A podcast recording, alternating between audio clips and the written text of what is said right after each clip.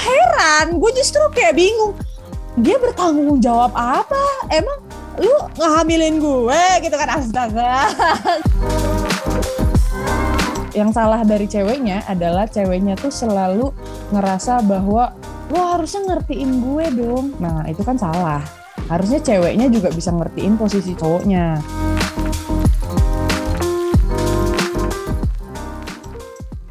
Halo Sobat Kui, welcome back to Ngobrol Kui, the podcast episode ke berapa pun ini gitu. Nah, hari ini gue Kenny um, kebetulan bawa ajak temen gue nih yang bilangnya itu seorang pakar cinta katanya ini.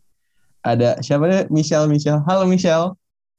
Hai Kenny Panggilnya Michelle atau telepon nih? Eh, bebas sih boleh telepon bila Michelle tapi orang-orang emang sekarang taunya jadi kalau nggak telepon Michelle gitu Mungkin lu mau kenalin diri dulu nggak, Po nih? Gue bingung juga mau kenalin tentang apa ya. Mungkin tentang percintaan mungkin. Berapa mantan kah? Sekarang aduh statusnya lagi apa kah? Tinggalnya di mana kah? Siapa tahu ada jodoh Anda, jodoh kamu yang mendengarkan podcast ini juga kan. Silakan, Siapa tahu telepon.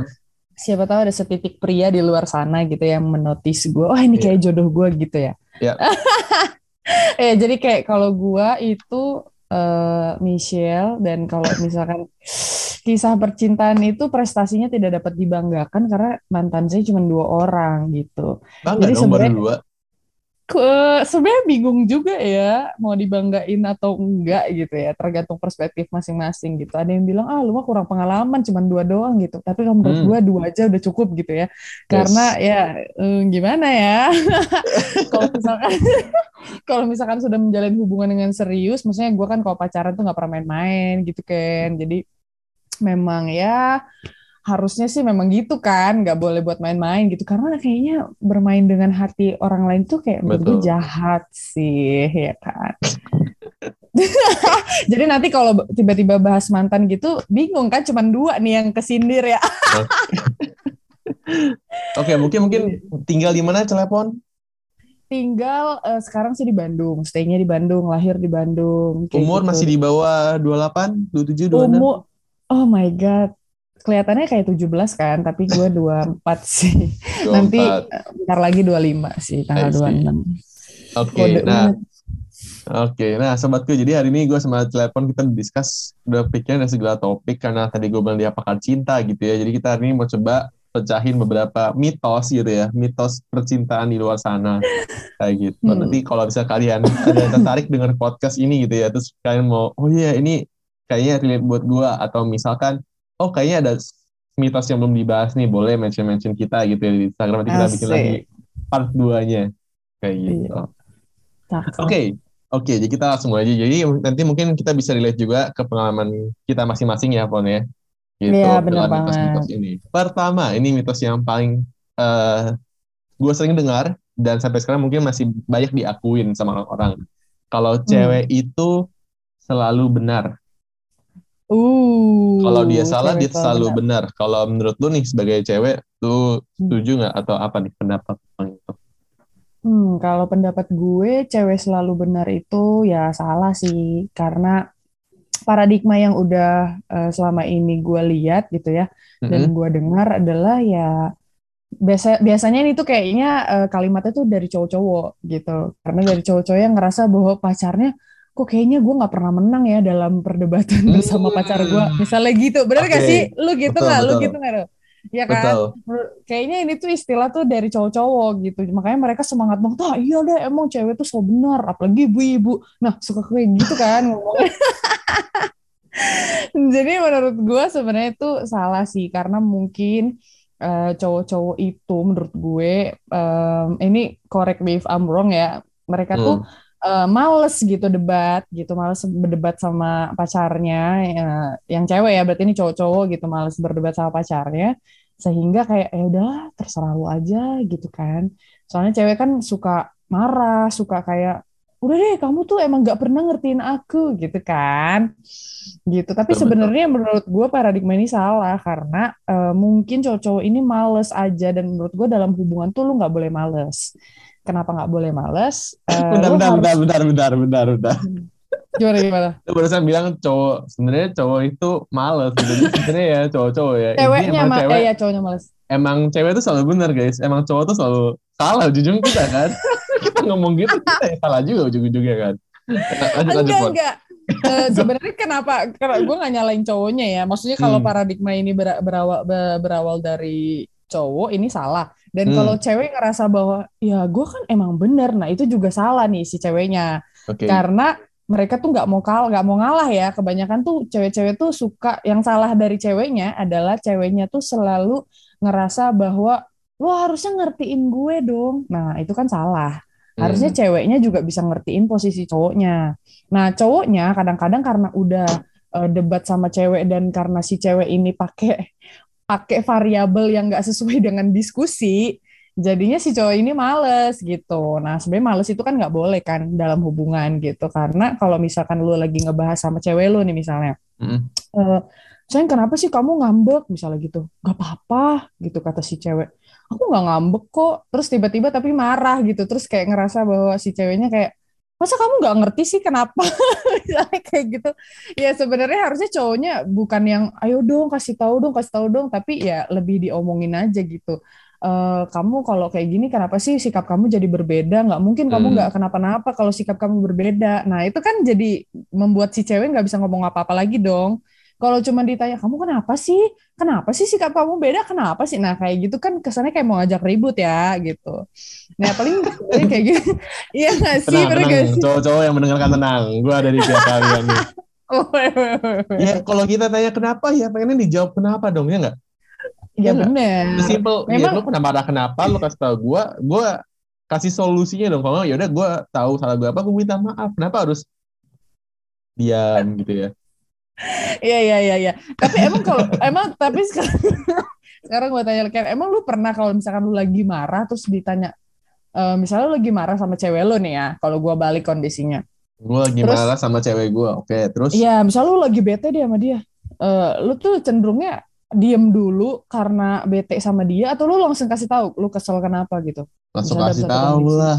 Oh iya, misalnya Iya. kayak lu lagi di mobil terus misalnya cewek lu nggak dengerin lu misalnya lagi main handphone gitu atau lagi apa ya, misalnya ada perkataan dia yang menyakiti lu, lu langsung bilang, ih kok lu gitu sih? Gue nggak suka nih lu ngomong kayak gini gini. gini." Ya, oke. Lu langsung kayak gitu atau lu ya. ada ada momen nyeseknya dulu terus lu diam dulu Hmm, terus kayak "Ah, kok dia kayak gitu sih gitu. Ada Oke. gituannya nggak sih? Oke. Ayo. Langsung sebenarnya pasti lihat sikon ya gitu. Em. pasti lihat sikon lah. Kalau misalnya lagi rame nggak mungkin gitu. Lagi berdua Ah, ya seingat gue ya. Ya gue disclaimer Hmm. deh ini kadang-kadang ada orang yang bakal mendengarkan juga nih kayaknya nih. Jadi gue disclaimer seingat gue, seingat gue Eh. kayaknya gue akan kayaknya gue akan coba ngomong dengan penuh kasih. Anjay. Dengan penuh kasih gitu ya. Eh, eh misalnya kayak, Yakin lu lagi emosi bisa ngomong penuh kasih? kayaknya gue tipe orang jarang marah deh pon kayaknya ya. Jadi Oh iya iya kalau misalnya gue meledak-meledak karena apa kayak kayaknya udah lama atau enggak jarang lah kayak gitu. Biasanya ceweknya dulu ya yang meledak baru lu ya.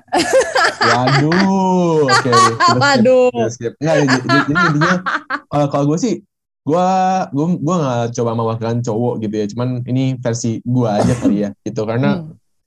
eh, karena kita bakal ngomongin banyak ngomongin cewek sama cowok gitu. Gue juga nggak pengen Hmm. kita kayak meng apa ya generalisir semua cewek kayak gini semua Ya. cowok kayak gini ya karena kan gue yakin dan lu juga setuju yang nggak semuanya Hmm. sama gitu kan pasti ada yang berbeda gitu. Betul, bener banget sih. oke memang. nah em, jadi kalau gue sih ketika gue marah ya gue pengennya secepat mungkin gue kasih tahu gitu ya kalau bisa dengan cara terbaik mungkin kenapa karena gue orangnya suka lupa sebenarnya kalau gue Hmm. diemin tuh ya gue cuma paling sakit sementara 15 menit Mm-mm. kemudian udah gue udah tenang lagi hidupnya kalau misalnya emang nggak parah ya gitu ya ya gue udah lupa lagi gitu nanti lima hari atau kapan lagi kejadian kan ngulang lagi gitu jadi Iya, kalau iya. dari gue lebih baik gue sampaikan secepat mungkin tapi dengan cara sebaik sebaik, Sebaik mungkin. mungkin ya. Hmm, Nah, Hmm. Pon, tadi kalau dari yang lu ngomong em, cewek itu kayak eh lu bilang paradigma itu salah gitu kan buat cewek maupun cowok sebenarnya kan meng- kalau menganggap cewek itu Hmm, selalu benar gitu. Betul. Nah, tapi lu Hmm. sendiri pernah melakukan itu nggak gitu? Pernah, sendiri pernah pernah pernah merasa kayak justru mm-mm. hmm, pernah merasa kayak ya gue nggak paham nih sama cowok gue apa yang lakuin kan gue yang paling bener gitu kayak lu merasa pendapat lu tuh atau Ya. perasaan yang lu tuh paling benar gitu. sebenarnya kayaknya gue pernah sih kalau gue berkaca kepada hubungan gue. wajar nggak sih? Itu wajar nggak sih? Uh. Wajar ada hmm. paradigma ini menurut gue karena ya itu karena uh, kadang-kadang cewek itu kekeh banget kan cewek itu mungkin ya karena cowoknya juga ngerasa gue harus ngalah nih sebagai cowok gitu mungkin sebenarnya hmm. mereka juga emosi ya si mantan mantan gue ini gitu kan dia emosi cuma ngelihat si si telepon ini kayaknya dia ini banget deh kekeh banget gitu kayak nggak bisa unbeatable gitu kayak kayak uh, pendapat dia tuh udah jadi mutlak gitu. Tapi kadang-kadang gue introspeksi diri sendiri gitu kan. Jadi hmm. waktu gue ngerasa bahwa gue udah kelewat batas. Kapan? Tapi ngerasa, kapan itu pon? Tadi gue potong nih, maaf. Tapi kapan sih introspeksi itu? Huh? Oh, intros oh introspeksi kapan diri biasanya? itu uh. biasanya uh, setelah selesai kan? Iya, setelah gue udah kayak ngomong, gue gue ngomong nih kan ngomong terus gitu kan, gue ngerasa kayak enggak, gue yang bener nih, gue yang gini gini gini, gini. misalnya gitu berantem gitu hmm. gitu kan. Uh, lu mah lu mah nggak pernah uh, apa namanya lu mah nggak ngerti posisi ini ini tuh kayak gini gini gini misalnya gitu ya yeah. terus akhirnya gue lihat muka dia biasanya gitu kan gue lihat muka dia kayak udah ya udah nggak apa-apa gitu atau biasanya gue tuh uh, bisa introspeksi ketika reaksi yang diberikan uh, sisi pacar ini adalah uh, ini tips ya ini nggak tahu tips nggak tahu mungkin bisa dipakai sama cowok-cowok juga nih ya jadi ketika cowok itu bereaksi berbeda dari ekspektasi gue. Hmm. Ngerti gak? Jadi waktu gue marah, gue kan ekspektasi gue dia marah balik tuh sama gue. Hmm. Tapi dia malah ngalah gitu. Tapi maksudnya bukan ngalah ya, bukan ngalah, lebih ke oke, okay, gue ngerti maksud lo gitu. Yep. Tapi gue bisa nggak sih koreksi lo gitu, ngerti gak sih? Jadi bukan dia balik emosi ke gue, tapi dia nyampein gitu. Sebenarnya kalau lo di misalnya misalnya jadi dia memposisikan dirinya di gue dia hmm. berusaha hmm. mengerti dulu terus dia kasih input gitu Apa? itu yang bikin gue jadi kayak oh oke okay, gue salah nih di sini iya ya seharusnya gue nggak bisa maksain ini ke dia kayak hmm. gitu-gitu sih biasanya gitu oke okay.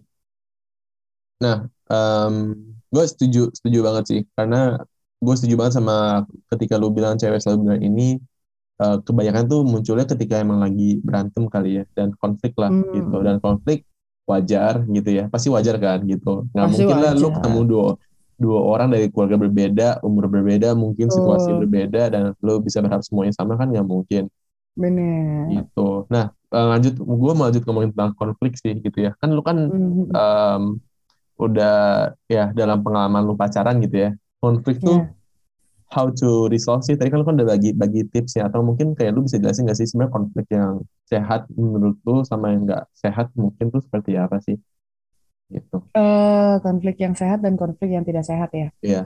kalau menurut gua konflik yang sehat itu sebenarnya kalau konflik yang sehat kita nggak bisa kayak kategoriin ya maksudnya okay. konflik kan kita nggak pengen konflik ya sebenarnya ya kalau hmm. misalkan hmm. sama pasangan bener nggak sih mungkin cara mengatasi konflik yang sehat dan yang tidak sehat gitu kali ya boleh. Uh, kalau misalkan mengatasi konflik yang sehat adalah yaitu dengan komunikasi, dengan menurunkan ego masing-masing. Karena kan orang kalau udah marah atau udah konflik kan ngerasa diri paling bener, hmm. mau di cewek maupun di cowok, yep. gitu. Dan kadang eh, kadang-kadang juga respon mereka adalah salah dengan cara meng bukannya apa ya, bukannya menyampaikan kemarahan mereka, tapi lebih ke uh, mengekspresikan marah Nah itu kan sebenarnya salah ya. Jadi lu lebih mengekspresikan marah lu gitu, teriak-teriak hmm. lah misalnya kayak lu tuh ya daripada kayak gitu. Tapi ya kan apalagi cewek ya pasti semuanya relate nih. Pasti cewek-cewek tuh suka kayak gitu gak sih? Kayak marah-marah dulu, nangis-nangis dulu gitu kan. Uh, daripada kayak nenangin diri dulu dan baru ngobrolin si konfliknya itu. Misalnya gitu kayak beb atau sayang gitu kan. Aku hmm. ngerasa uh, atau mungkin nggak bisa kayak gitu ya kalau lagi marah. Jadi mungkin lebih ke uh, manggil nama gitu kan kalau udah kalau udah marah tuh manggil nama gitu kan udah nggak manggil panggilan sayang lagi hmm. gitu kan aku pengen ngobrolin sesuatu deh aku ngerasa aku ngerasanya uh, masalah ini tuh udah parah banget aku ngeliat kamu selalu melakukan ini berulang-ulang uh, dan aku harap kamu mau dapat masukan nih dari aku misalnya hmm. kan gitu kan lebih enak ya dibandingkan kayak kamu kenapa sih? Nah gitu. pagi-pagi udah kamu kenapa sih? Kamu gak suka deh. Kamu tuh kayak eh gitu kan nggak jelas. Itu kan relate gak relate gak relate gak Iya, iya, iya, iya, iya iya, kan? Kayak kenapa sih? Kayak gak jelas gitu. Tiba-tiba banting pintu mobil gitu kan kasihan mobilnya gitu. Ya gitu. Nah sedangkan kalau yang tidak sehat ya itu tadi Ya barusan kan ya yang Uh, uh, yang barusan. Kalau yang sehat ya itu bisa dikomunikasikan, bisa kayak mungkin tadi kayak kata lu eh, konfliknya terjadi Hmm. pas lagi di depan banyak orang, terus lu nggak bisa tegur pacar lu di depan banyak orang, ya lu harus mungkin kayak minggir dulu nih, minggir dulu, terus kayak ngasih tahu dia gitu. ta- tadi menurut aku kamu udah offside deh gitu, kamu udah kelewat batas gitu dengan kamu ngomong kayak gini-gini. Soalnya ada gue gue pernah lihat banget nih orang pacaran dan di depan banyak orang dia negur pacarnya gitu kayak jangan kayak dia nih selalu aja kayak gini gini gini nih. nah itu kan menimbulkan pertengkaran kan kayak nah kayak gitu Ya. suka negur pacar eh kok kamu ngomongnya kayak gitu sih tapi di depan teman-teman dia kan jadi Hmm. nggak enak ya jadi Yep. malu gitu Yep. Tapi Kayak gitu. mau mau highlight sebenarnya konflik itu pasti ada gitu sih kalau konflik ya. mah harusnya masih ada ya Dan selama harus kita hidup iya. Kalau kalau Mm-mm. hmm, kalau yang menurut gue sih eh, paling gue mau namain sih kalau kayak yang konflik cara resolve konflik kali ya. Kalau menurut gue itu Hmm. paling gampang lu coba posisiin jadi lawan lu sih. Betul gitu lu coba ngertiin cara pikir Hmm. otak dia kenapa dia keselnya dan menurut gua betul most of the time bakal make sense buat lu oh iya dia mikirnya kayak gini karena Yes. apa kayak gitu gitu dan Mm-mm. once you udah coba ngertiin dia gitu ya menurut gua Mm-mm. cara lu Mm. approach-nya itu bakal lebih um, enak sebenarnya sih gitu Enak. karena Mm-mm. karena kalau menurut gue konflik itu bagian paling penting bukannya kita ngomong ya sebenarnya ya tapi Iya. ketika kita mendengarkan gitu sih sebenarnya sih bener bener definisi bener. mendengarkan ya kalau ketika ribut sebagai kita cowok pun maupun cewek lawan kita kadang nggak bakal ngomong langsung gitu jadi menurut gua balik lagi ke empati sih sebenarnya gitu ya empati ketika lu, betul ketika lu Betul, bisa betul. coba rasain apa yang dia uh, tersakiti lah gitu perasaannya Betul. Apalagi kan kita, maksudnya eh, gimana ya, pasangan kita misalnya lagi ngalamin sesuatu, Hmm. dan kita sebenarnya nggak pernah ngalamin itu sebelumnya, tapi dia tuh lagi dalam emo, atau kita udah pernah ngalamin dan dia lagi dalam proses memproses emosi itu misalnya. Terus kita bilang, ah kamu gitu aja masa sedih, ah kamu masa gitu aja marah. Itu kan kalimat-kalimat yang akan terjadi ini kan peperangan antara Hmm. negara, antara ibu sama bapak ini gitu kan. Nah, itu Betul. tuh kalimat yang harus dihindari, benar kayak kata Kenny gitu. Jadi harus yang ngerti gitu, sekalipun menurut kita masalahnya sepele, tapi kan bagi pasangan kita itu hal yang berat gitu. Mm-mm. Bagi dia kan mungkin dia lagi masih di proses belajar akan mencerna emosi itu gitu loh. Jadi ya benar kata lo harus memposisikan diri sebagai dia gitu yang sedang me- mengolah emosinya dan permasalahannya itu gitu sih. Oke, tadi kayak kita udah hampir berapa menit aja bahasa tuh mitos doang ya. Jadi, jadi gue mau coba sedikit rangkum yang pertama, cewek selalu benar itu Ya. salah intinya ya. Cowok selalu benar juga nggak ada. gue. Hmm. Ya, tetot pokoknya ya. Pokoknya nggak ada yang benar, nggak ada yang nggak ada yang selalu benar gitu ya. Gak ada yang selalu benar manusia ya. Oke, oke, oke. Nah, next nih. Next ya. Katanya kan ngomongin eh, paradigma dalam cewek gitu ya. Nah, sedangkan ini gue juga salah satu yang sering gue denger sih. Ini sekarang paradigma ke cowok nih gitu ya. Kalau cowok Nah. itu brengsek. Opsinya cuma dua. Kalau nggak homo, dia brengsek gitu ya. Mungkin definisi brengsek ya apa selingkuhin kayak gitu ya. Nggak bisa ngertiin gue Ya. kayak itu luas gitu lah. Nampaknya. Hmm. Nah, ini mungkin dari gue dulu ya kali ini ya. Ya boleh boleh nih dari sisi cowok gimana sih tuh tuh gimana Ya tuh? enggak lah. Lihat aja gua, lihat aja gua nggak homo nggak brengsek kan. Sampai titik ini ya, sampai titik baik ini banget ya. sampai titik ini ya, sampai titik ini gua nggak tahu nih ke depannya gimana nih. Enggak lah, cuman ya cuman kalau dari gua sih sam, kurang lebih poinnya sama kayak sama kayak pertama ya dan ini Hmm. eh, ya munculnya juga dari cewek-cewek yang terkorbani gitu ya Tersakiti. tersakiti gitu ya korban-korban cewek yang tersakiti karena mungkin Korban ketemu cowok lelaki. yang nggak serius gitu ya Ya, yang nggak serius ya. cuman mau ya have fun aja kayak gitu ya atau Betul. cowoknya ya emang apa berarti ya ya emang homo ya mau gimana ya Mungkin sebenarnya cewek-cewek yang ketemu homo ini yang dia ngerasa teman homonya ini baik. Jadi kayak karena iya. saking baiknya tapi dia homo gitu kan. Jadi betul kayak betul betul wah kayaknya cowok ini cuma dua langsung tuh ada kayak gitu tuh teorinya langsung. Hmm, tapi lu gimana pon? Lu kan udah ngerasain pacaran dua kali gitu, ketemu dua, gitu kan, gitu. Sebenarnya kalau menurut definisi gua, kalau misalkan menurut gua ya, Iya, itu dua brengsek tuh kan gitu aja pon gitu ya. Gitu kan? dua-duanya brengsek. Jadi semua cowok brengsek ya. Jadi ganti lagi nih mitosnya. Aduh, enggak lah. Menurut gue sih eh, ini salah juga sih paradigma ini cowok Hmm. kalau nggak homo ya brengsek gitu. Karena kalau mau dibilang definisi brengsek secara kemanusiaan tuh ya ada aja mungkin cowok yang homo dan brengsek gitu ya. Tapi Hmm. bedanya brengseknya ke manusia lain atau ke pasangan homonya atau apa kan banyak juga tuh kasus-kasusnya gitu kan.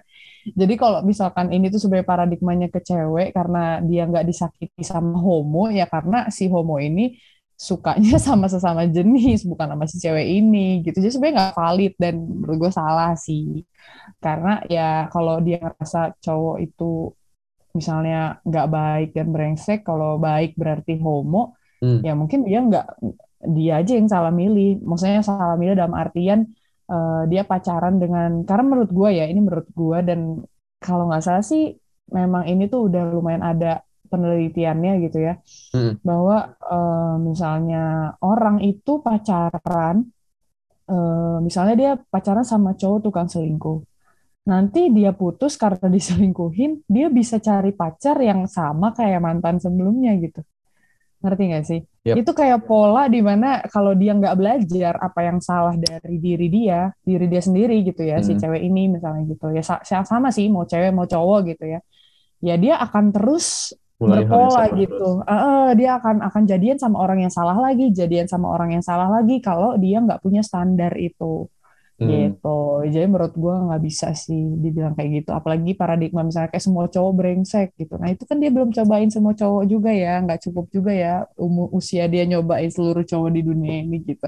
Cuman dia emang belum nemuin aja atau mungkin dia nggak tahu dia harus memilih laki-laki yang seperti apa gitu. Dia harus pacaran sama orang yang seperti apa. Sekarang kan penyakitnya gitu kan. Iya, Kenal iya. seminggu jadian, kenal dua minggu jadian ya. Gimana lu mau kenal sama orang Oh, calon gitu. pacar lu gitu kan? Nah, Oh, gitu sih. Menarik, menarik. Nah, kalau ini berarti kan lu bilang kan em, seminggu jadian, dua minggu jadian. Jadi Mm-mm. parameternya tuh apa sih, Pon, menurut lu kalau untuk jadian? Menurut gue parameternya adalah ketika lu udah mengenal dia. Nanti ada lagi kan parameter mengenal seseorang tuh apa? Bener nggak?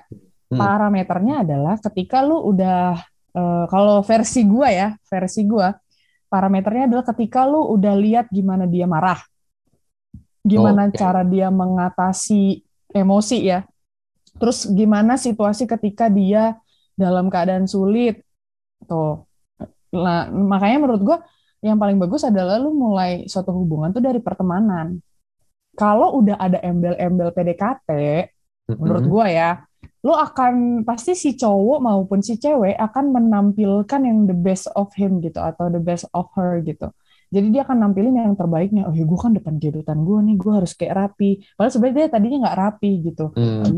Biasa mandi cuma sekali, tapi karena gue lagi ngegebet si ini nih kan, mau ketemuan nih di kafe gitu. Ya gue mandi deh, gue pakai parfum deh, kayak gitu.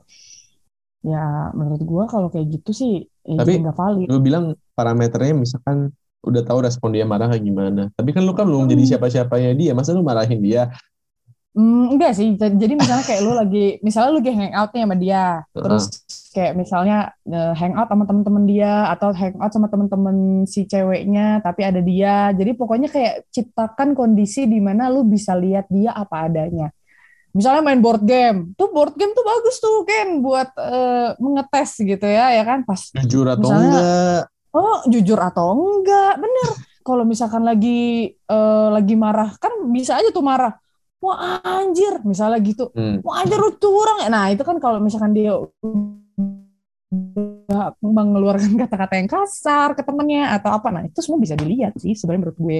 Kalau misalkan Hmm. lu eh, mau niat ya untuk mengenal seseorang gitu, tapi kalau dia cuman ya cuman kayak ah udahlah yang penting gue eh, seru nih sama dia ngobrol, eh, yang penting gue udah asik nih sama dia, udahlah jadian Hmm. aja lah gitu. Nanti ya paling menyesalnya ketika pas pacaran, ya kok dia gini sih, ya kok dia gini sih, padahal Tapi itu padahal ya wajar nggak salah sih? sendiri. Wajar nggak sih? Menurut gua um, segimanapun lu mau mencoba mengenal orang itu ya nggak Hmm. bakal kayak gini sih karena tuh orang tuh menurut gua orang tuh bak- bingung tuh kapan sih harus harus kenal sedekat apa baru mulai pacaran sama aja nanti pertanyaannya juga tuh Hmm. harus kenal sebagai apa sampai nanti Hmm. nikah gitu kalau bilangnya kayak gue pengen kenal dia sepenuhnya dengan segala sepenuhnya Hmm, hmm. menurut gua juga nggak mungkin gitu karena nggak mungkin Hmm. menurut gue literally nggak mungkin sih karena Ya. em, nggak mungkin situasi seribu satu situasi datang dulu sebelum nikah terus nanti setelah nikah lu nggak Hmm. punya experience baru menurut gue nggak mungkin Hmm, mungkin karena gue berawal dari standar itu kan tadi. Misalnya gue punya standar nih. Mhm. Oke lah, misalnya gue pernah nih di pengalaman mantan gue yang pertama nih. iya ya Gue PDKT lama nih kan. Hmm. 6 bulan, 6 bulan. Buset dah lama. Bener PDKT 6 bulan ya. Udah satu semester. Tapi ternyata gue nggak punya kualitas di situ. Gue nggak Oh. kenal dia lebih dalam. Salah gue. Nah itu tuh karena gue nggak punya standar standar gue tuh waktu itu dikit lah. Yang Hmm. penting dia ini, yang penting dia ini, yang penting dia ini. Nah gue cuma lihat misalnya berapa hal gitu. Habis itu pas gue jalanin 6 bulan PDKT, terus kayak udahlah gue memutuskan pacaran nih sama dia. Tapi gue ternyata nggak kenal lingkungannya dia, gue nggak kenal gimana. eh maksudnya waktu itu Oh, memang gue belum Hmm. lihat cara dia eh, berkonflik, Ah, maksudnya kayak ketika dia ngadepin konflik gimana dan segala macam gitu-gitu. ya ya gini gini menurut gue menurut gue Hmm. gini sih kayak gue setuju gitu ya lo harus kenal sama orang gitu ya dan penting Hmm. punya standar Hmm. tapi jangan juga lu bilang kayak lu pengen kenal semuanya dari orang itu Gak bisa lah. Ya, Maksudnya betul. kalau kenal semuanya sih nggak bisa. Tapi minimal lu punya standar. Nah pas Hmm. lu ngobrol sama dia, pas lu menjalin PDKT atau misalkan pacaran, Mm-mm. sesuai nggak? Itu sebenarnya kelihatan. Jadi sebelum lu nikah atau sebelum lu pacaran, sebenarnya kalau pengalaman gue, gue bisa lihat sebenarnya. Cuman kadang gue suka buta. Gue akuin, gue ngalamin sendiri kalau gue buta. Jadi gue udah bener, gue udah keburu suka nih sama nih orang nih. Gue buru-buru deh. Ah udahlah, udahlah, jadian aja lah sama dia nih, seru kok. Gue suka nih bagian ini, bagian ini gue suka dari dia. Gue suka yang ini, gue suka ya udahlah, nggak apa-apa kekurangan dia yang ini, ini, ini, ini. Banyak kekurangannya, tapi gue tetap maksain nih buat pacaran sama dia. Hmm. Ya udah, akhirnya berantem aja terus tiga bulan pertama pacaran. kan sakitnya di gue sendiri gitu Hmm. loh, ngerti nggak? Gitu. I see Jadi menurut gue bisa kok, bisa lu lu ngelihat seseorang dari pas mulai PDKT lu bisa minimal lu punya standar dan pas lu jalanin PDKT pasti ada deh keluar. Gak mungkin seseorang tuh bisa nutupin dirinya sepenuhnya juga gitu loh kan. Kayak Iya, iya, ngemas iya. dirinya sebagus sebagus mungkin, sebaik mungkin tuh nggak bisa. Pasti at least ada keluar sisi aslinya yang lu harus peka sebenarnya. Oke, gitu. coba tadi pon list lagi pon apa standar-standar lu yang menurut lu penting gitu untuk lu tahu sebelum masuk ke pacaran gitu. ya. Oh ya, standar-standar yang paling penting adalah yang pertama eh, sikap Satu. dia ke Hmm. gue harus sama kayak sikap dia ke orang lain.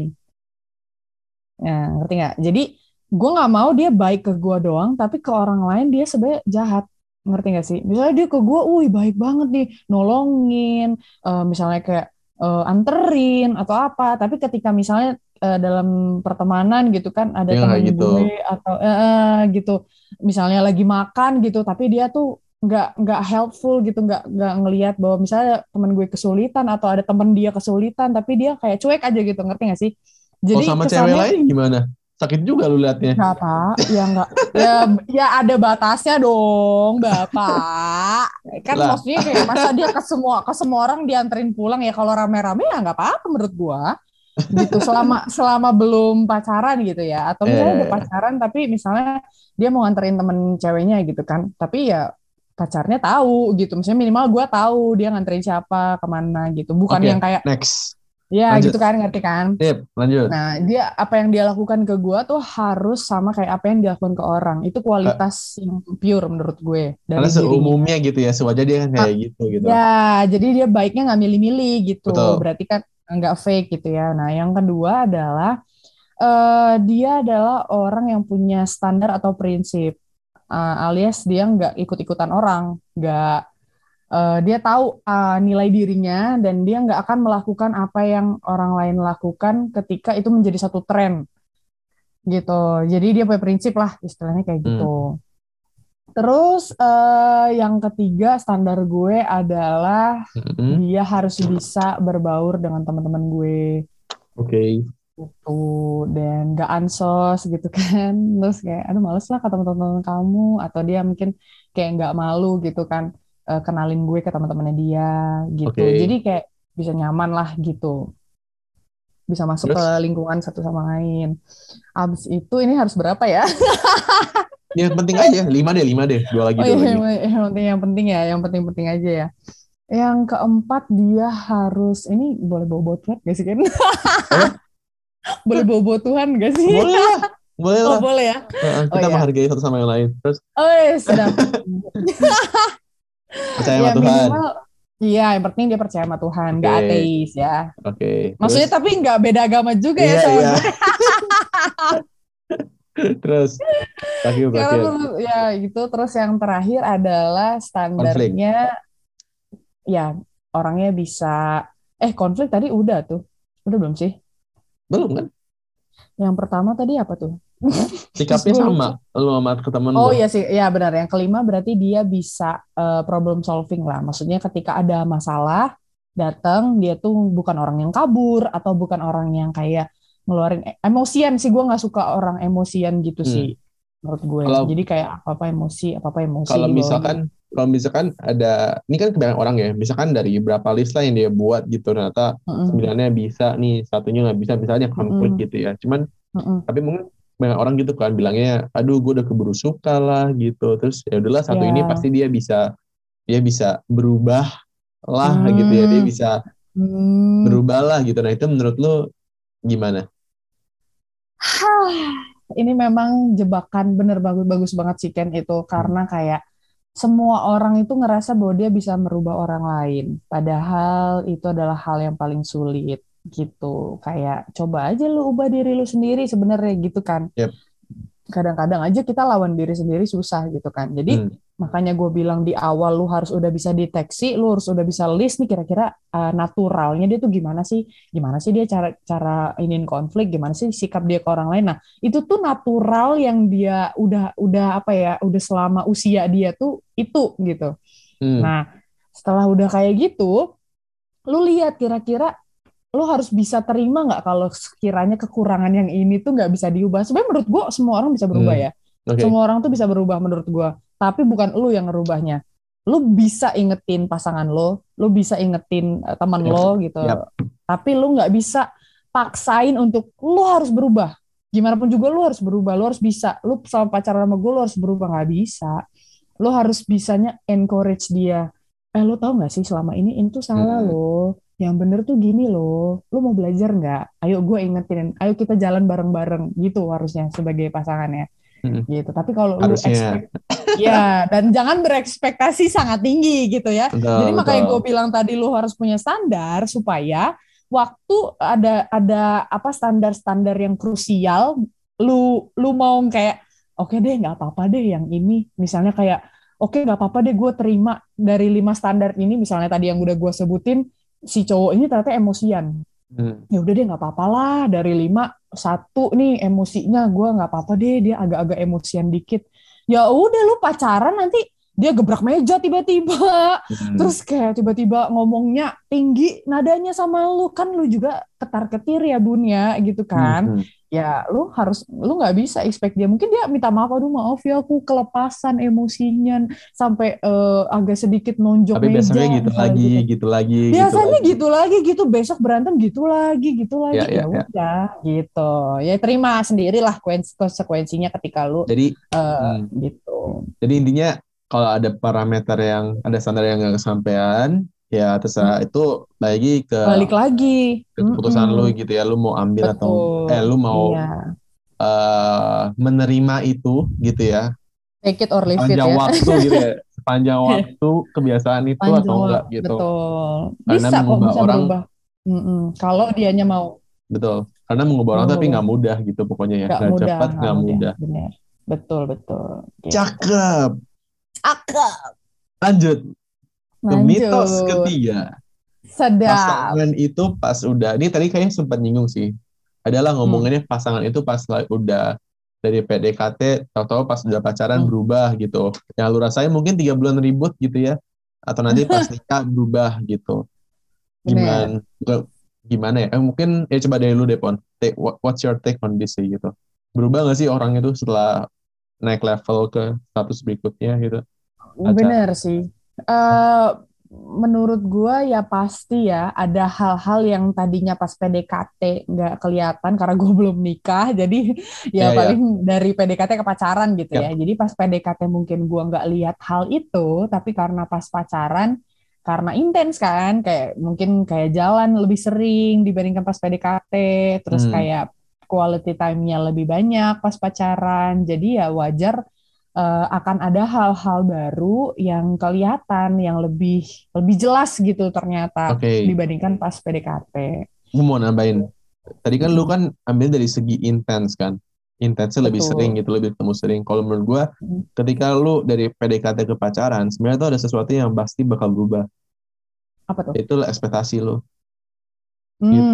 Banyak orang pasti Bener. gitu, karena karena kan ada orang ngomong ya kan kita cuma PDKT kita belum pacaran bla bla bla bla gitu dan Hmm. Lagi-lagi ketika lu PDKT lu kenal sama orang dari diri sendiri gitu ya. Ketika lu pacaran lu deal with a new person basically karena hmm. uh, ekspektasi orang pacaran itu berbeda-beda lagi tuh.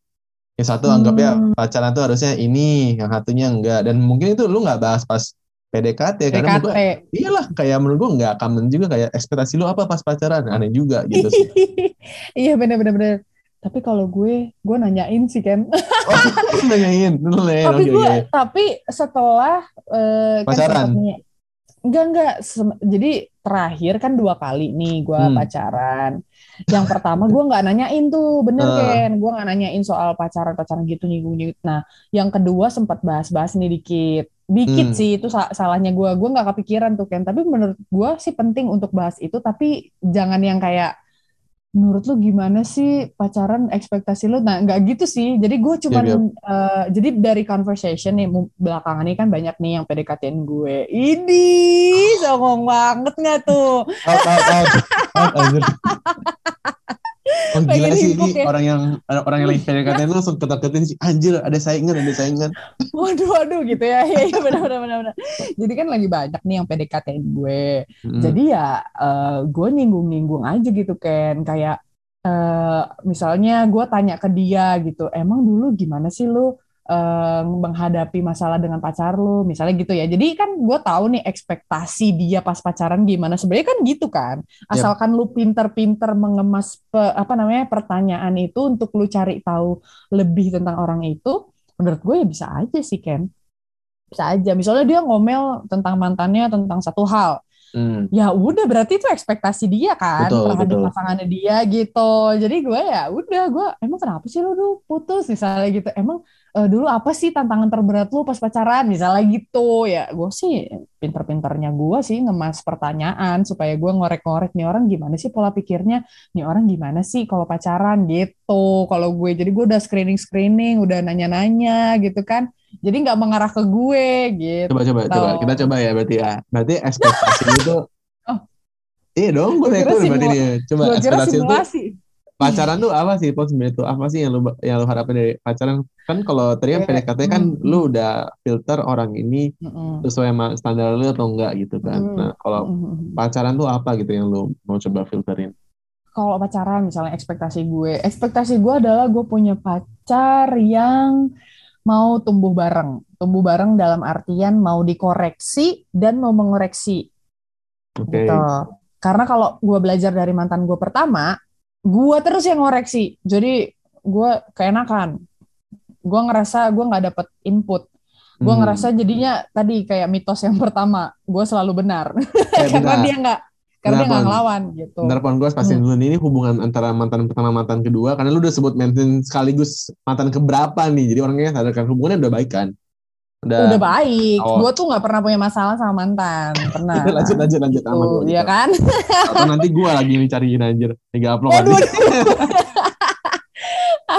Kayaknya ya gitu deh. Akhirnya ya udah. Uh, akhirnya kayak kayak yang mantan pertama ya gitu gitu maksudnya dia ada kelebihan cuman ya itu dia orangnya lebih ke ngalah lebih ke mendem gitu kan Hmm. Nah kayak gitu-gitu. Jadi ekspektasi gue adalah kalau misalkan gue koreksi dia, dia juga harus bisa koreksi gue. Nah kayak gitu-gitu. Terus kayak komunikasi, uh, komunikasi, kemudian uh, problem solvingnya gitu. Dan nggak boleh ada yang namanya silent treatment. Lo tau kan silent treatment mm -hmm. tuh yang kayak diem-dieman, diem-diemin gitu. Kalau dia ngambek dia diemin, guanya juga diemin. Nah gitu sih lebih ke situ sih yang yang pasti dia mau tumbuh bareng dalam artian ketika gue punya kekurangan koreksi gue ketika dia punya kekurangan lo harus mau dikoreksi gitu itu ekspektasi gue ya gitu. satu ada lagi nggak Uh, kayak menurut gue itu yang paling penting sih. Emang mau berapa Ken? kalau menurut gue kan kalau bedanya lagi ya, ini, ini mah hmm. wajar. Hmm. Menurut gue wajar dan kayaknya cukup penting sih. Eh, pacar tuh udah masuk ke tahap keluarga gak sih? Dibanding PDKT. Masuk ke tahap keluarga maksudnya gimana tuh? Iya, lu kenal keluarga dia, dia kenal keluarga lu, kayak gitu kan? Hmm, iya uh, dalam pacaran gitu. Iyalah, uh -uh. Oh, kan, kalau gue sih abis pacaran iya nikah kan soalnya kan? Benar, benar, benar. Uh. Tapi kalau gue dulu, uh, gue dulu sempet dua kali ya. Uh, biasanya gue sebelum pacaran justru gue kenalin dulu ke orang tua gue uh. sebagai temen, ngerti nggak? Gue test drive, test drive, maksudnya kayak ngelihat respon orang tua gue gitu dan uh, ngerti gak sih maksud oh, iya, iya, iya, iya. jadi setuju, setuju. Uh, iya kan? Hmm. dulu gue pernah kayak gitu soalnya kayak ya udah gue bodol nih ke orang tua gue mah kenalin ini temen aku. Jadi dia juga nggak nggak ngerasa canggung awkward karena ngerasa kayak aduh gue pacarnya Michelle nih gitu. Enggak gitu. Jadi kayak as a friend gitu lagi kenalan-kenalan gitu kenalin nih mah temen aku. Eh gak ini orang tua gue gini-gini gitu. Jadi ya naturalnya dia aja gitu ya itu gue juga lihat-lihat nih gimana dia ngadepin orang tua gue gitu-gitu gitu terus kayak emak bapak gue komen apa nih tentang dia hmm. gitu menurut gue sih penting sih karena one day ya kalau udah jadi pacar lo dan lo mau nikah sama dia ya balik lagi penilaiannya dari orang tua karena orang tua itu menurut gue punya feeling dia tuh punya feeling dan dia pasti kan nggak mau yang buruk ya buat anaknya. Betul. Jadi waktu udah ketemu sama calon pacarnya gitu atau temennya mereka pasti akan punya feeling kayaknya anaknya baik ya kak gitu. Hmm. kayaknya orangnya asik ya kak. Orangnya kayak pinter ya kak gitu. Jadi kalau udah ada tanda-tanda nih baru ya udah gaspol gitu. Gitu kayak yep, yep. gue paling mau nambahin bukan pengalaman sih cuma mungkin ekspektasi orang-orang pacaran ya. Ini mungkin yang buat teman-teman sobatku ya panggilnya sobatku ini teman-teman hmm. nih. Sobatku yang eh, mau sobatku sahabatku yang mau mau coba nanya kalau pas pacaran itu kayak uh, ini mungkin lebih ke day to day karena kan tadi Celapon juga bilang intens kan kayak gitu kan. Jadi ada yang mungkin aspeknya bisa ketemu dua dua kali seminggu gitu ya gitu. Pas pacaran maunya hmm. dianterin maunya dijemput lah maunya makan bareng lah atau apalah. Maksudnya menurut gue sepintel-pintel itu ya menurut gue um, lu kalau bisa lu gali lu tahu lu tahu dulu gitu. Karena menurut gue ya karena mungkin sekarang orang kebanyakan juga nonton drama Korea ya kayaknya yang terlalu idealis menganggap pacaran tuh kayak gimana tuh. Terusan terusan um, sadar sadar nggak sadar tuh bakal masuk ke bener mempengaruhi lu bakal asli, masuk sih. lu bakal menganggap kayak aduh harusnya cowok gue nih ekspektasi cowok tuh kayak di film-film asli, gitu.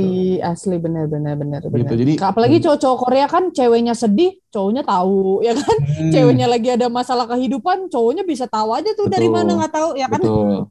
Betul. Nah, itu maksud gue kayak mungkin sebagai cewek-cewek ataupun cowok-cowok sih gitu ya. Jadi jangan ya. tuh misalnya apa ya? Berarti jangan jangan pakai patokan dari film-film ya. Ini ini hashtag garis keras film-film iya drama iya ya karena namanya juga drama sinetron gitu sinetron gitu loh bener bener itu dibuat buat tapi tapi ya Ken, for your information, mantan gue yang terakhir tuh kayak gitu loh. Apa tuh? Maksudnya dia nggak seperfect cowok Korea, uh-huh. tapi ketika gue pasang mimik muka yang udah beda, dia tahu. Wih. Itu gue gue amazed tapi asli Ken asli ini mah pengalaman gimana, ya. Gimana mimik mukanya satu dua tiga. Bener. Misalnya gue udah kayak udah gitu kan dia dia tuh dia bisa tahu dia bener, dan dia tahu kenapa gue kayak gitu bisa tahu oh, iya. dan misalnya kayak dia anterin gue pulang ya gue kan misalnya gue lagi marah sama dia akan sesuatu hal hmm. terus gue eh, duduk di motor tuh agak jauhan gitu jadi gue kayak males gitu kan biasanya kan agak dempet gitu ya, hmm. kita agak-agak pegang dikit pinggangnya gitu. Nah kalau gue udah kayak males ya, pegangnya gitu kan, ya. Uh. ya kayak terus kayak udah mulai jauh gitu gue, males lah gitu kan. Terus dia tuh ngerti kan ya ampun sakit banget kepala gue. Tapi menurut gue itu bisa aja terjadi sih kan cowok-cowok di drama Korea itu bisa terjadi. Oh, iya. ke- Uh, uh, tapi bu- bukan berarti kita sebagai cewek-cewek harus mengekspektasikan itu dan menjadikan itu standar gitu. Karena gue Betul. sendiri pribadi nggak mengekspektasikan itu. Karena gue emang cuma pengen marah aja pengen diem aja kadang gitu. Dan nggak Hmm. pengen di apa-apain. Gue pengen mencerna emosi gue. Tapi uh, lucunya si orang ini uh, bisa ngerti perasaan gue bisa tahu Iya, kenapa poin gue poin gue gini sih kayak Gitu. kalau lu cowok lu lakuin atau cewek lu lakuin lu mau recall nggak apa-apa gitu tapi jangan itu jadiin Iya. standar standar sih menurut gue gitu. Jangan sampai itu jadi kayak keenakan juga sih di ceweknya ya. Karena justru sebenarnya sikap itu membuat gue jadi kayak gini. Oh dia aja ngertiin gue. Masa gue nggak bisa sih ngertiin dia gitu. Kalau gue jadi lebih ke gitu. Gue jadi Oh. berkaca. Oh ternyata ada ya eh, pasangan yang memperhatikan gue banget nih gitu. Nah gue juga harus balik lah memperhatikan dia karena dia memperhatikan gue sebegitunya gitu. Lebih ke gitu sih. Kan banyak Cakep. juga ya cewek-cewek kan aji mumpung. Jadi kayak ah dia juga ntar ngerti kenapa gue marah. Ntar juga dia eh, beliin gue kopi kalau gue marah. Kan itu kan parah ya gitu. Jadi menurut gue itu kualitas yang buruk sih. Balik lagi gitu. oke Lanjut kan. lanjut by the way lu liat jam deh sekarang deh itu udah hampir satu Wow. jam ngomongin mitos Kirain baru kirain baru lima detik loh. padahal, padahal, padahal baru tiga poin loh. Coba kita, berarti kita masih ada dua poin lagi. Coba bahas Oh, lebih singkat lagi ya, Hmm. pon ya. Hmm, Tuh, boleh, nah, boleh. Berikutnya, cowok harus lebih membiayai di- dibandingkan cewek. Gak setuju. Oh, oke. Tapi lu expect nggak sebenarnya kayak kan non- nonton tuh harusnya cowok gue bayarin gitu. Hmm, enggak. Kalau gue pribadi ya, hmm, enggak juga sih. Maksudnya why? eh, semuanya menurut gue balik lagi harus komunikasi eh. Jadi misalnya kayak eh, gue tahu kondisi dia misalnya ya, dia Hmm. bukan dia nggak punya kerjaan misalnya gitu, dia masih kuliah, j- zaman-zaman masih kuliah ya, gue tahu diri lah. Masa iya eh, pacaran eh, harus dia yang bayarin, even misalnya dia dari keluarga mampu gitu ya, ya gue juga punya harga diri lah. Maksudnya ya terlepas dari harga diri gitu kan menurut gua nggak fair aja ketika dia pakai duit orang tua untuk misalnya ngebeliin gua ini itu gitu. Jadi gua nggak expect dan kalau misalkan bisa split bill ya kenapa nggak split bill? Maksudnya Kalau bukan sekarang- bisa ya. Kalau sekarang situasinya kan udah kerja nih. Oh ya kalau misalkan sekarang situasinya udah kerja ya gantian aja. Misalnya hari ini Hmm. eh, kadang-kadang suka ada kan tuh yang eh, pas lagi PDKT PDKT juga kayak udah nggak apa-apa gua yang ada tuh ada tuh Ken yang pas eh, ngedeketin gue udah udah gua bayar kopi lu. Eh, nggak apa-apa gue kan cowok gue harus kayak eh, bertanggung jawab misalnya gitu. Lah gue nggak ngerti sih. Tapi lu seneng nggak? dia gue heran gue justru kayak bingung. Dia bertanggung jawab apa? Emang lu ngehamilin gue gitu kan. Astaga sensor ya. Maksudnya kenapa gue harus ditanggung jawabin gitu? Maksud gue ngerti gak sih? Justru kalau gue pribadi heran gitu loh. Maksud Ah. maksud poin dari dia sebagai laki-laki bertanggung jawab tuh apa? Lu udah mau jadi bapak rumah tangga gue gitu. Gue nggak ngerti sih ya jujur. Cuman ya udah gue kayak ya udah next gue ya yang traktir gitu loh. Lebih ke gitu. Karena gue nggak mau apa ya nggak mau utang budi lah istilahnya gitu. Nggak mau utang budi nggak mau ngerasa bahwa gue harus dibayarin kayak gitu. Karena gue mampu beli kopi gue sendiri gitu. Gue mampu Hmm. kok bayarnya gitu. Jadi ya nggak sesenang itu sih. Cuman kayak gue oh mungkin dia menganut value itu. Ngerti gak sih? Mungkin dia ngerasa kadang-kadang maksud gue gue nggak bisa salahin dia juga. Lu ngapain sih traktir traktir gue gitu? Kan marah gitu kan ya. Ngapain Hmm. juga marah. Mungkin dia Mhm. ngerasa bahwa gue sebagai cowok gue uh, punya gengsi kan ada gitu ya cowok yang gue punya Iya, iya. gengsi gue Didikan punya orang tua gua- mungkin gitu ya, temennya, eh, mantan bener gue kayak betul kayak dia punya value bahwa gue sebagai pria yang sudah bekerja dan gue punya pride untuk ngebayarin uh, si cewek misalnya gitu ya udah silakan tapi kalau gue pribadi sih Hmm. Oke. nanti ke dia ya gitu balik Itu. PDKT. Kalau pacaran sama. kalau pacaran sama sih gitu sama Tapi lu selama expect- gue Tapi lu expect gak cowok lu lebih berpenghasilan dibandingkan lu? Itu iya nggak? Ada di lu nggak itu? eh berpenghasilan ya Iya, misalnya juga semua karakternya oke nih gitu ya, bla bla bla Ah, blanya ah, ah, oke ah, ah. gitu. Tapi secara penghasilan sama atau mungkin lebih bawah. Is that a problem for you or not? Hmm, Tapi eh, sorry, sorry, sorry, utama kos lagi. Tapi sebenarnya secara kehidupan lu lu masih bisa tetap hidup ya dari penghasilan lu berdua kayak gitu betul, ya. Betul, betul, gitu. betul. Tapi nah, konteksnya dia masalah. Oh nggak masalah berarti.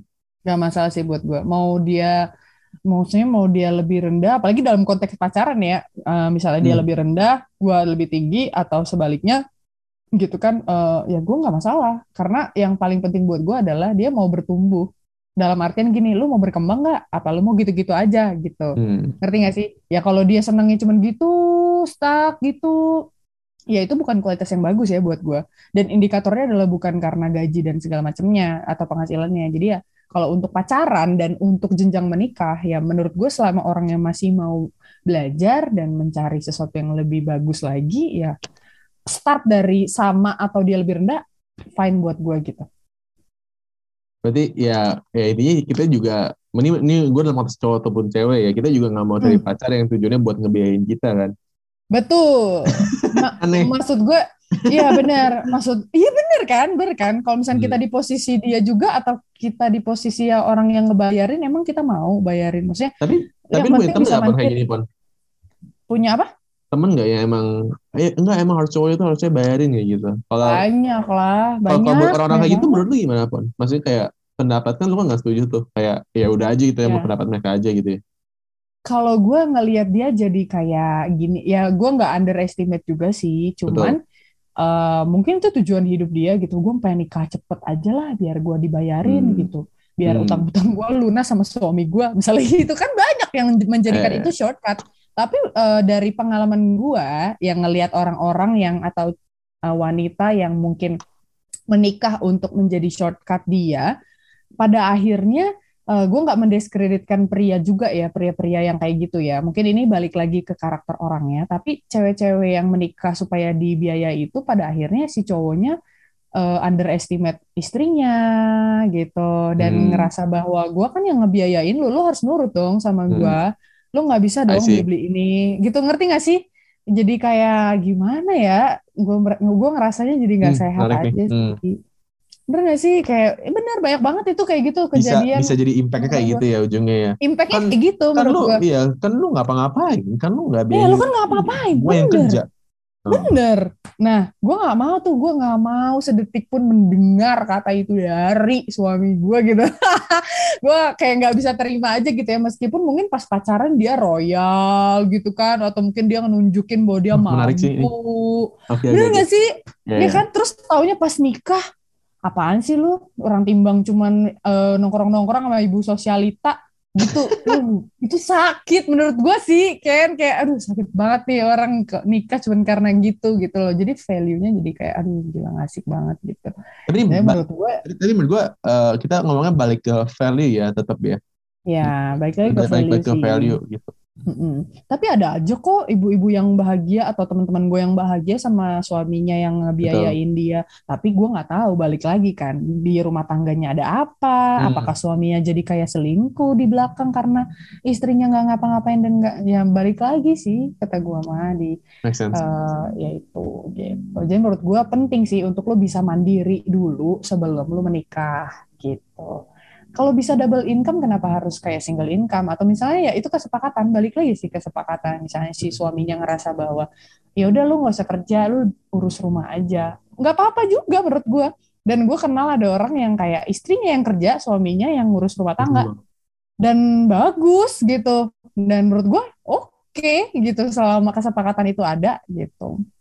Menurut gue fine sih.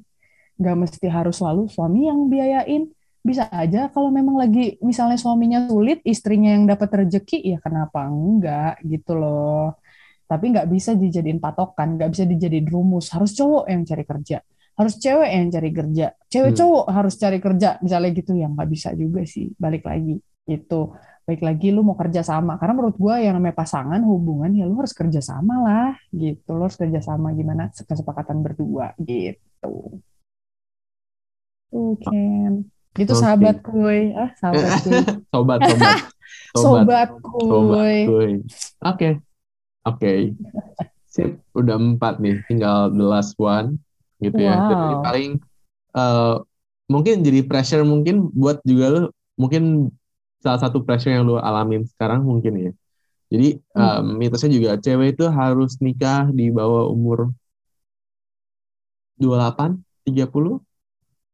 Hmm, enggak salah. Kenapa Boleh. semua mitos? Kenapa semua mitos jadi salah ya? Ya lah, kan gue emang Oh iya, apa-apa ya? apa. Iya lah pendapat lu. Gimana gimana? Menurut gue lu menikah ketika lu siap. Udah, titik. Nggak ada, Lah, kan- nggak ada penjelasan lain. Lah kalau alasan biologisnya Ya kenapa harus alasan biologi? Sekarang gue Kan tanya, kalau 30 ke misalkan atas kan dengan alasan anak lebih resiko. Maaf nih gue potong nih. ya ya udah nggak apa-apa, yang gak usah punya anak. Kontroversi. Oh nggak apa-apa ya, nggak apa-apa. Berarti kan itu value dulu kan. Cuma kalau ada orang gue harus punya Bener. anak segala macam, berarti kan itu jadi Hmm, batasan kayak gitu kan. Gitu. Tapi tadi ya. lanjut ke value dulu. Kan Tapi kan bilang pertanyaan lu tadi, eh, pertanyaan lu kan tadi ini kan, apakah wanita itu harus menikah di bawah 28 atau 30? Kalau Hmm. menurut gua yang nggak perlu. Maksudnya kalau dari sisi biologis, ya benar, lo harus menikah eh, misalnya dengan tujuan lo menikah punya anak, punya banyak keturunan, punya 11 anak, ya lo harus pikirin dari sekarang-sekarang. Dari Betul. umur lo 18, 19, lo harus udah mikirin, gua nanti Betul. mau menikah sama orang yang seperti apa. Justru lo harus prepare. Karena menurut gue ya kalau lo mau nikah, lo harus siap untuk menikah gitu ya. Siap secara mental, secara finansial, secara apa ya? Ya itu mental dan finansial sih yang paling penting menurut gue Hmm. ya. Karena kalau lu nikah nggak mikirin finansial ya udah lu susah gitu kan. Terus secara mental lu nggak siap, lu selingkuh atau nggak sih selingkuh mah penyakit ya. Eh, lu akan kayak stres gitu kan dan segala macamnya ngerepotin orang, ngerepotin orang tua, ngerepotin teman-teman, ngerepotin banyak lah gitu kan Hmm. Ya ngapain lu menikah jadi cuma buat sengsara gitu loh. Nah, ketika lu memang mau target lu nikah lebih di bawah 28 atau di bawah 30 atau di bawah 27, lu harus prepare nih. Oh iya, gue mau nikah target itu umur 25. Berarti gue harus prepare dari PDKT-nya, gimana gue mau cari orangnya, punya standar dengan pasangannya, gue harus siapin apa untuk menikah, gue harus cari pria yang seperti apa, lah itu harus prepare. Jangan tiba-tiba kayak, ah udah gue santai, pokoknya gue nikah usia 26 deh, tapi dia nyantai aja tuh gitu, kayak udah mau deket-deket aja baru kayak, oh, oke gue nikah sama lo. Ya, kocak ya. Kalau gue pribadi sih gue nggak setuju sih kalau kayak gitu. Kayak gue sekarang Tapi- ini gue santai gitu kan. Gue santai, gue nggak. Kapan kapan kapan lu tahu itu lu udah siap? Eh, lu tahu udah siap ya ketika lu ngebayangin diri lu nih, misalnya besok nikah, Hmm. lu udah siap secara finansial nggak ya? Gue siap secara mental nggak Coba ya? Coba bayangin coba, coba aja. background ya background ya kita background ya. Finansial tuh apa berarti? Tinggalnya di mana? Finansial, ya misalnya secara finansial lu mampu nggak mem- membiayai diri lu sendiri dengan pasangan, Oke, suami istri, di keluarga pasangan. lu, nggak ngerepotin orang tua, nggak ngerepotin saudara lah gitu ya, secara Hmm. finansial gitu lo bisa settle punya rumah sendiri, Punya bisa rumah. punya Eh, tempat tinggal lah ya. tabungan, tempat Tabungan. tinggal gitu kan, tempat tinggal, mungkin kendaraan Oke, gitu jadi kan. pokoknya setelah nikah lu udah kebayang lu mau ngapain gitu ya. Terus lu Betul. udah punya uang buat itu. Udah punya uang buat keluarga lu, nggak nggak perlu kan rumah gede misalnya ya udah lu misalnya Ya, lu mau punya nyewa rumah ya udah. Iya, Lu mau nyewa kek, bener. Hmm. Lu mau ngekos kek Oke, berdua. finansial finansial udah kebayang nih. Pokoknya lu setelah nikah lu mau ngapain ya. lu punya uang selesai. Mental Oh, kalau mental, lu udah siap belum jadi orang tua? Atau kalau lu nggak mau punya anak gitu, lu siap nggak nggak punya anak di ditanyain orang lain? Atau lu siap nggak menghadapi pertikaian rumah tangga, menghadapi keluarga suami lu, mertua lu, Hmm. gitu? Ngerti nggak sih? Kan sekarang lu udah nggak single lagi nih, lu akan diatur, bukan diatur ya, pasti ada tuntutan dong dari suami, dari mertua. Nah, lu udah siap belum secara mental menghadapi itu semua? Yang Oke. tadinya lu cuman ngadepin keluarga lu doang nih, keluarga lu Coba- dan keluarga besar lu gitu. Coba kita bayangin lagi ya. Berarti mental itu sama sih sebenarnya kayak konsepnya ya. Setelah lu nikah tuh lu bakal ngapain Hmm. sih? Gitu kan ya. Betul. Apakah lu lu Ya. kebayangnya oh berarti setelah nikah gue tinggal sama suami gue di rumah di mana gue harus bangun jam 8 pagi mungkin siapin makanan Hmm, segala macam. Nah itu. Lu siap nggak gitu ya Menghadapi- rutinitas betul, itu betul. gitu ya. Lu siap nggak Nah, menghadapi apa kayak acara tahunan sama keluarga betul. suami kayak gitu ya. Betul. Di dan di samping itu kalau lu mau berkeluarga dan punya anak, lu udah siap belum mendidik anak? Lu tahu nggak gimana cara parenting?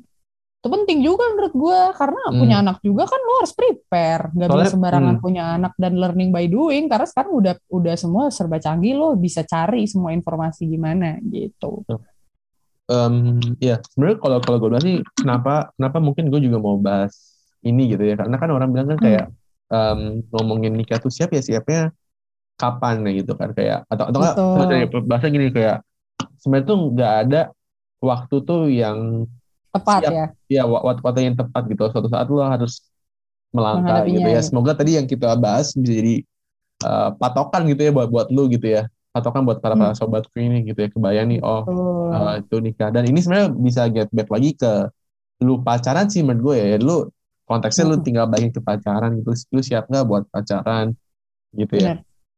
Bener. Karena sebenarnya menurut gue banyak orang juga nggak siap pacaran tau Ken.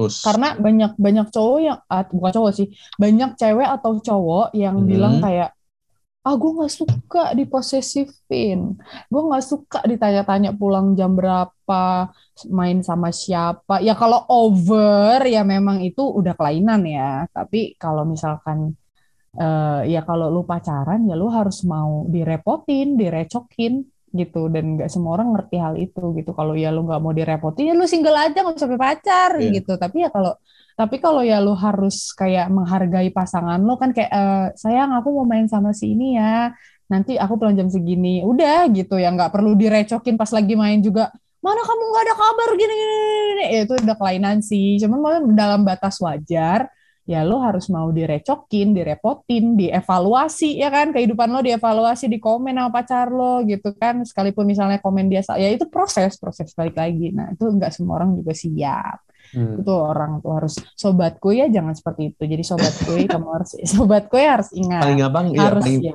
paling gampang tadi ya intinya lu coba bayangin aja lu coba bayangin gitu ya bayangin Satu- aja bener. Lu coba bayangin, bayangin tuh PDKT-an lu gue kalau pacaran sama dia gimana ya? Gue Iya. bakal dilarang-larang larangnya aneh nggak ya? Bakalan apa nggak ya? Nah udah bayangin aja dah bayangin tuh di otak kalian. Gitu. Oke. Oke, nah kalau ada mitos lainnya pun yang lu sering dengar gitu ya menurut lu salah ataupun benar gitu. Hmm. Yang ke- tiba-tiba kepikiran nih pas kita ngobrol-ngobrol tadi. mitos lain ya Eh bukan mitos lah, pokoknya paradigma lah atau perkataan orang lah apa pun itu. paradigmanya aduh gue nggak kepikiran sih Ya sekarang sudah, kan nggak apa-apa pon. Mungkin mungkin any lebih ke any last word aja kali ya pon ya gitu di Oke. podcast kita kali ini di ngobrol di podcast kita ya kira-kira eh, apa ya berarti kalau ngomongin sobat gue kira kamu buat a notes for yourself dari pengalaman lu dalam dunia percintaan anjay eh last words-nya adalah eh, lakukan segala sesuatu itu eh, dengan hati gitu ya mau lu pacaran mau lu punya mau menikah maksud gue kayak lu harus pikirin sih panjang long termnya gimana. Jangan pernah eh, shortcut ataupun memikirkan segala sesuatu itu short term doang gitu. Ngerti gak sih? Ketika lu eh, memikirkan yang jauh ke depan, lu akan dapetin hasil yang lebih bagus lah gitu. Kayak kurang cakep ya belakangan. Cakep cakep cakep aja pon cakep aja ini tadi Ada lagi, pertanyaan lu lagi. pertanyaan lu gue banget cut. oh ada lagi silakan silakan pon Lagi coba ya, gue Tar- coba lagi ya. Iya, Harus cut. dikat-kat ya kayaknya. aduh Intinya adalah mm, dalam hubungan itu selagi lu saling mencintai, gua gua mau gua mau kasih quotes ini tapi eh, quotes ini da- bukan dari gue, bukan dari gue, tapi gue setuju sama dia.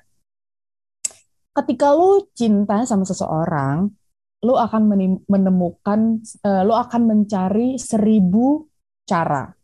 Tapi waktu lu nggak cinta seseorang, lu akan lu akan mencari seribu alasan. Sedap nggak tuh? coba Enggak ya? sedap, sedap. Nggak, sedap sih. Cuman lu boleh tambahin konteks nggak? Takutnya sobat gue kayak, wah keren nih. Cuman nggak nangkep nih konteks. Intinya gini, kalau lu sayang sama orang itu, lu akan menemukan seribu cara supaya hubungan lu berhasil. Hmm. Paham nggak? Tapi bukan Paham. berarti menghalalkan segala cara ya. Yang yeah, tadi yeah. misalnya ada toksik atau apa ya ngapain lu lanjutin pacaran sama orang toksik gitu. Jangan gitu. Tapi maksud gue kalau orang yang worth it dan lu dalam pacaran sehat gitu ya. Uh, lu akan menemukan seribu cara untuk lu berdua bisa problem solving, bisa saling mengenal segala macam. Tapi kalau lu sebenarnya nggak cinta sama orang ini, lu akan akan mencari seribu alasan. Ah dia mah gini, dia mah mau orangnya gitu ah dia mah eh, nggak uh, nggak akan pernah ngerti gue dia mah bodoh dia hmm. mah lulusan ini gitu lo ngerti nggak sih? Jadi maksudnya itu kan negatif semua ya. Nah itu tuh seribu seribu alasan untuk lo tuh nggak mau membuat hubungan itu berhasil gitu. Kayak gue nggak worth it sih sama dia. Dia tuh orangnya gini. Ah dia mah jelek banget ini. Semua keburukannya tuh alasan semua tuh alasan. Nah gitu. Jadi kalau lo nggak cinta sama orang itu lo akan uh, lo akan mencari seribu alasan. Gitu. Gitu kan Cakep, cakep. Cakep. Oke, okay, kalau gitu thank you banget Pon udah mau ngobrol-ngobrol dikit, ngobrol-ngobrol panjang ya ini mau dikit lagi sini panjang. Ngobrol panjang. Ngobrol panjang di, di di ngobrol ke di pot the podcast. Gue jadi keselip nih. Terima kasih ya Pon udah jajak eh udah mau ngobrol gitu ya di ngobrol ke the podcast. Nah, buat teman-teman sahabatku yang suka gitu ya bisa like, bisa share ke teman-temannya atau mungkin mau ke kunjungin ke IG-nya Celepon atau Michelle yes. juga boleh nanti gue masuknya atau ke Let's Gue untuk dapetin insight-insight lainnya. Oke, okay? sip. Kalau gitu thank you Celepon waktunya. Thank you Sobat Kuy.